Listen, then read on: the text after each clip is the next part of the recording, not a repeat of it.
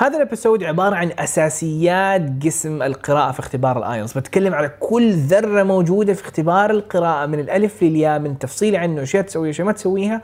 في مكان واحد عبارة صراحة اكون صريح معاك عبارة فيديو يوتيوبي أكثر منه بودكاست، لكن حولته ليك هنا بحيث إنه أغلب الأشياء كلها مسموعة، فما يحتاج إنك تتفرج على شيء عشان تفهمه ويمديني أوفر لك تقريبا مدري كم 20 دقيقة من من حياتك. إنه بدل ما تتفرج على الفيديو يمديك وأنت قاعد تسوي شيء وأنت قاعد تروح في مكان ما تسمع لهذا البودكاست وتفهم أساسيات اختبار القراءة بالكامل. فيلا let's jump into it. This is دليلك بودكاست قسم القراءة في اختبار الايلز قسم شويتين تقيل ونحس إنه القراءة ما هي ظابطة معانا وسمعنا أشياء كثيرة في الموضوع إيش اللي حيكون ليش هو سهل ليش هو صعب. ففي هذا الفيديو راح أعطيك أساسيات قسم القراءة والحمد لله تجربتي إني جايب 9 من 9 في اختبار القراءة تحديدا فراح أعطي لك الخلاصة بحيث إنه تعرف إيش المف... إيش هو قسم القراءة أصلا وإيش المفروض تسوي فيه. الشيء اللي أنا انجزته في ثلاث شهور وثلاث سنوات يمديك تنجزه في أقل من كذا كثير.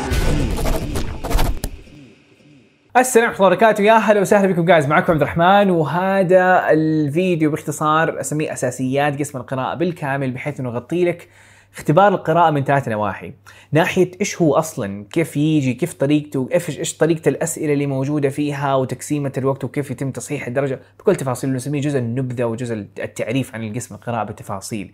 الجزء الثاني حقول لك إيش الأشياء المفروض تسويها، إيش هي نصائحي لقسم القراءة، اشياء حتساعدك وحتوفر عليك أوقات ووقت كثير يعني وتعرف إنه كيف المفروض تمشي في هذا الاختبار. وآخر قسم حقول لك الأشياء المفروض تتجنبها اللي معظمنا يغلط فيها فحقول لك أشياء بليز لا تسويها فهو حيكون عبارة عن فيديو مكثف لكن حتطلع وعندك اي تو زي على قسم القراءة وإيش وضعه وكيف حتتعامل معاه. فالحين خلينا نبدأ بنبدأ على قسم القراءة، فقسم القراءة هو حيكون ثاني قسم في الاختبار، بمعنى آخر لما تبدأ اختبارك تدخل القاعة فما حيبدا قسم القراءة حيكون قسم استماع، بعدها على طول حيكون قسم القراءة. قسم القراءة بمعنى آخر القسم الثاني فهو عبارة عن اختبار حتقرأ فيه وتجاوب فيه على أسئلة، وحتقرأ إيش؟ حتقرأ ثلاثة قطع موجودة عندك وحتجاوب على 40 سؤال في كل القطع بمعنى آخر عندك 13 سؤال 13 سؤال وفي قطعه فيها 14 سؤال ال total 40 سؤال وعندك وقت أو time limit 60 دقيقة لازم تجاوب خلال هذا ال time فهدفك في قسم القراءة حاجة واحدة إنك تجيب من ال 40 سؤال maximum اللي تقدر عليه من الأجوبة الصحيحة. يعني إذا جبت 30 أحسن حاجة إذا جبت 20 it's not good جبت 35 even better فعندك جدول هذا هو الجدول المستخدم في حساب الدرجة بالضبط في الاختبار الرسمي أصلا. إذا جبت 40 سؤال وجاوبت مثلا منه قد كده حتطلع لك درجة قد كده بهذا الجدول اللي انت شايفه دحين. حلو خلينا دحين نتكلم عن تقسيمة اختبار القراءة في الاختبار الأكاديمي. في الاختبار الأكاديمي عندك ثلاثة قطع زي ما قلت والثلاثة قطع هي بنفس الطول لكن ما هي بنفس السهولة؟ لأنه القطعة الأولى بتكون الأسهل مو من ناحية إنها سهلة إنك تجاوب لا سهلة من ناحية لغوية من ناحية التركيب اللغوي وحتى إن البحث الاجابه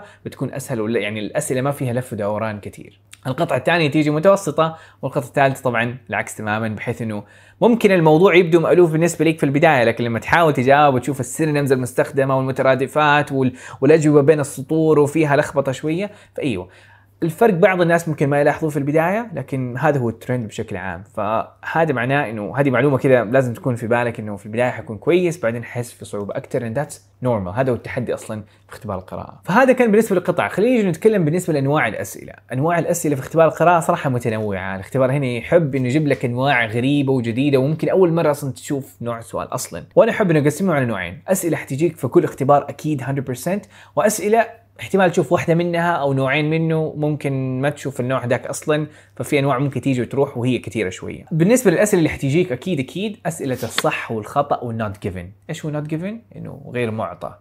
ما عندنا صح وخطأ فقط ولازم عندك ثلاث خيارات صح وخطأ و not given فهي عبارة عن سؤال يقول لك إيوه yes true false not given وحتى بعض الأحيان يغير نوع يقول لك yes و no not given هم في النهاية نفس الشيء. هو نوعين سؤال لكن هو فكرة واحدة صح؟ وخطأ وغير معطى. النوع الثاني اللي حيكون عندك اسئله الاختيارات. يقول لك حاجة ويقول لك إيش ال options A B C D فتختار بعض الأحيان يكون A B C يعني ثلاث خيارات. ف just choose حاجة إحنا عارفينها. النوع الثالث اللي عندك هو الفراغات. إنه يعطي لك حاجة يقول لك اكتب الكلمة المناسبة ويحدد لك هي دائما ب no more than two words ما ينفع إنك تكتب أكثر من كلمتين. وهنا عليك تكتب الإجابة في الفراغ الصح. And that's kind of حاجة إحنا متعودين عليها. هذه ثلاث أسئلة اللي تتكرر، فالصح والخطأ والاختيارات والفراغات دائما تتكرر، نيجي للنوع الأنواع الجديدة والانواع اللي ممكن إحنا كمان ما إحنا متعودين عليها بنفس الوقت ومو لازم نشوفها في كل اختبار. أول حاجة اختيار العناوين، يعطي لك عناوين معينة يقول لك هذا العنوان يناسب أي فقرة والفقرة هذه يناسبها أي عنوان آم، عليك تاخذ ال big picture وتكتب العنوان الصح في المكان هذاك. عندنا النوع الثاني اللي هو اختيار من مربع اسم العالم الموجود.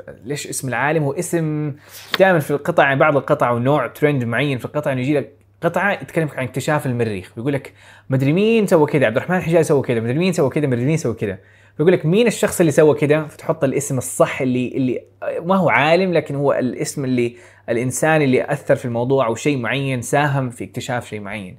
فأنا دائما اسميها أسئلة ال- الاختيار العالم أو الاسم اسم العالم أو شيء زي كذا فهنا تختار فالفكرة في هذا السؤال إنك بتقرأ الاكتشاف اللي هو سواه وتختار مم تدور في القطعة مين كان الشخص اللي سواه وتحط اسمه أو تحطه من اختيار مربع تقول أيوه هذا هو الشخص اللي سوى الشيء. وفي نوع صراحة نادر لكن يخوف الكثير لما يجي في الاختبار اللي هو الرسم البياني إنه يعطي لك رسمة كده ويقول لك عبي الفراغ الجذور الفلانية والجزء هذا الفلاني من الرسمة إيش اسمه أو كيف نوصفه القطعة إيش ذكرت عنه.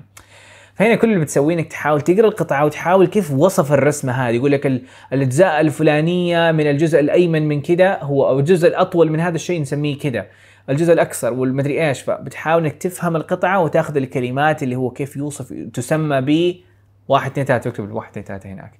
فما هي صعبة قد ما إنه شكلها في البداية يخوف وتحتاج شوية استيعاب أعمق شوي مثل ممكن من إنك صح وخطا أو فراغات أو شيء زي كذا. فهذا بالنسبة لي اهم أنواع الأسئلة اللي ممكن تجيك اللي ممكن كمان كانت تخوفك ودحين هي بسيطة وحناخذ دروس أكثر ونتعمق فيها ولما حتقول بس. ف الفيديوهات الجاية ما يعني ما حقصر معاك إن شاء الله. فآخر حاجة لازم تعرفها إنه وقت ما عندك وقت نقل الأجوبة في الاختبار الورقي، في الكمبيوتر ما عندك مشكلة تكتب كل حاجة عندك 60 دقيقة، لكن في الاختبار الورقي قسم الاستماع كان يكون عندك 10 دقائق عشان تنقل الأجوبة، هنا ما عندك وقت إنك تنقل، عليك أول ما تقرأ السؤال مثلا أنا دائما أنصح هذه نصيحة دائما أنصحها إنه تخلص تلا نوع السؤال اللي بتحله مثلا عندك أربع فقرات من أسئلة صح وخطأ خلص أسئلة الصح وخطأ وبعدين أنقل اجابات في ورقة اجابه على طول. لا تنتظر نهاية الاختبار لأنه بعض الناس يصير إنه هم مندمجين فجأة وف- وداخلين في القطعة الثالثة وبيحلوا من القلب ووصل السؤال ال 30 وخلص الوقت فجأة وخلصت ال 60 دقيقة.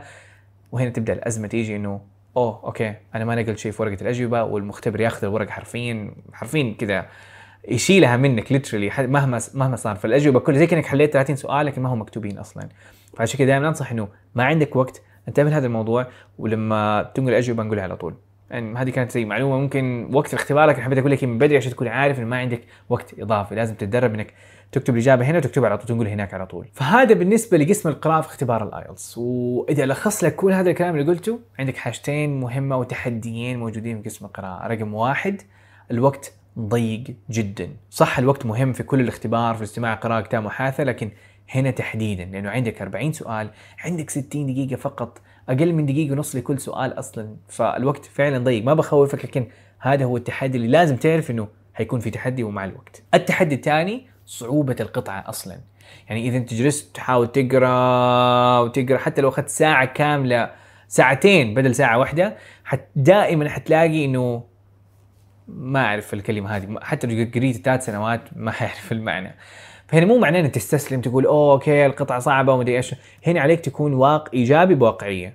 أنت ما تبغى تجاوب ال 40 سؤال ما تبغى تجيب التسعه من تسعة. وأنا كشخص جايب تسعة من تسعة في آخر اختبار لي تقريبا 15 ل 20 كلمة ما كنت أعرف معناها ابدا ابدا. واضطريت انه أخمنها. فما بالك إذا لما تجيب الستة ونص. حتكون 50 60 70 كلمة تعرفها. حاجات صعبة القطع صعبة.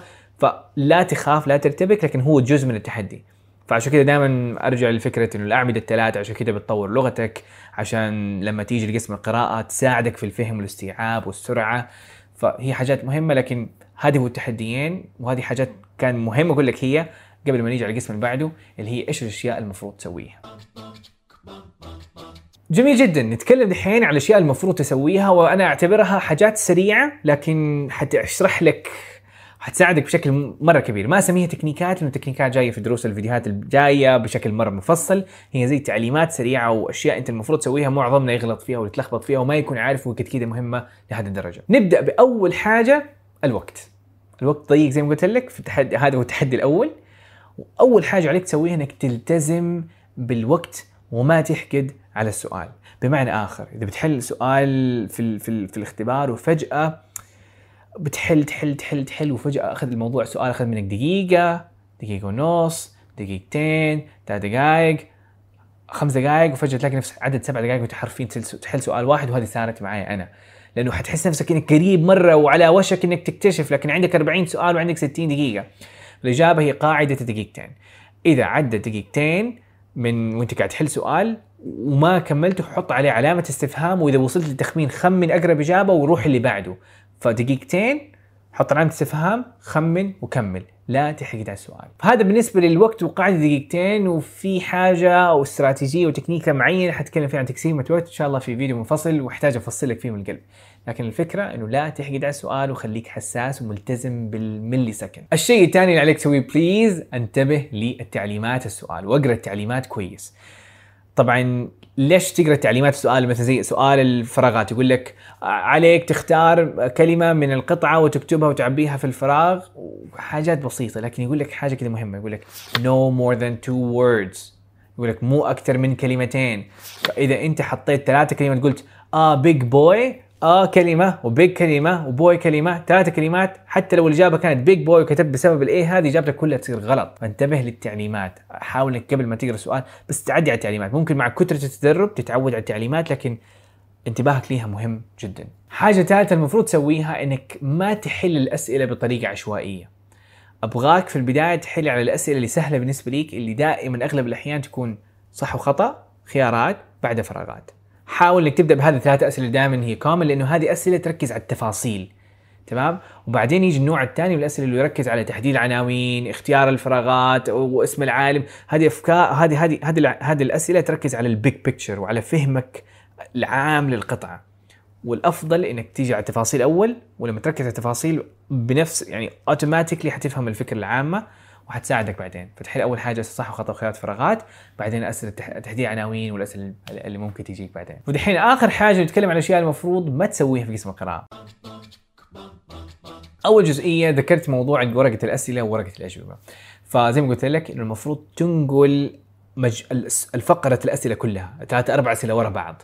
فما أبغاك تنقل سؤال سؤال لأنه حيضيع وقتك. إنه مثلا حليت سؤال رقم واحد تنقل في ورقة أجوبة. سؤال رقم اثنين تنقل ورقة أجوبة.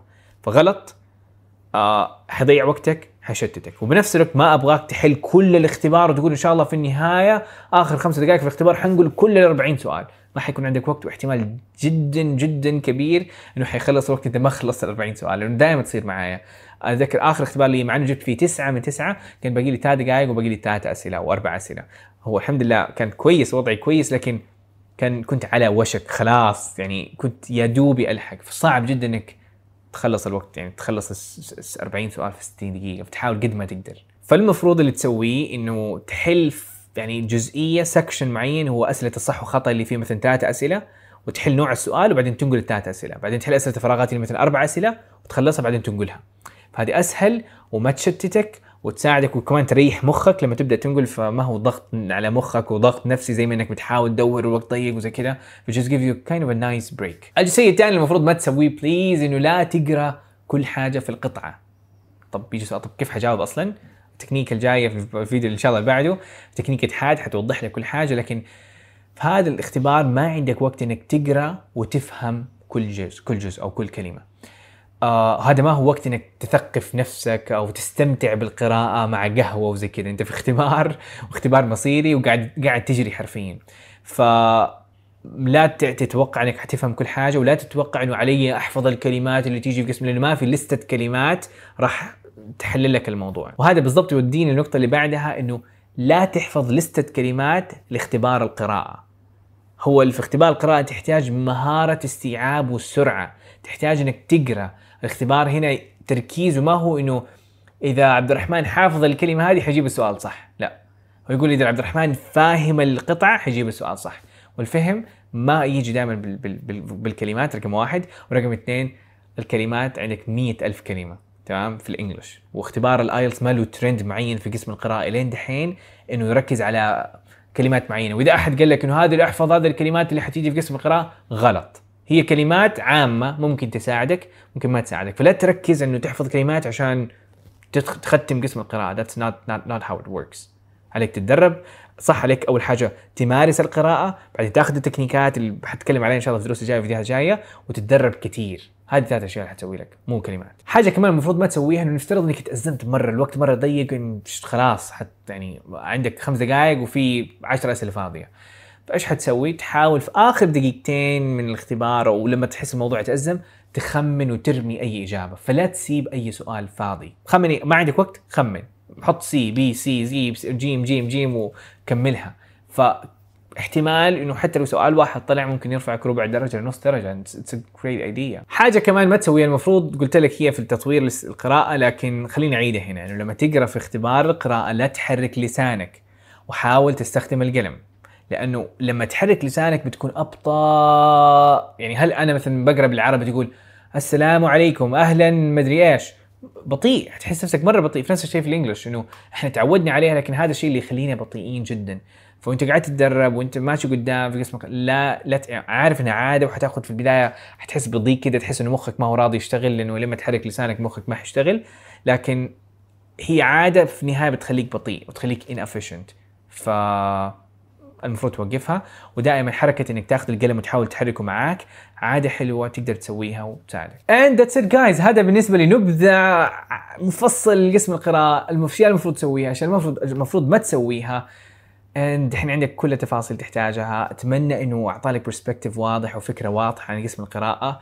وإيوه آخر حاجة سبحانك اللهم وبحمدك. اشهد إن لا اله الا أنت استغفرك واتوب إليك. وأحب أخذ أسئلتك. فإذا عندك أي سؤال just let me know. تحت في التعليقات.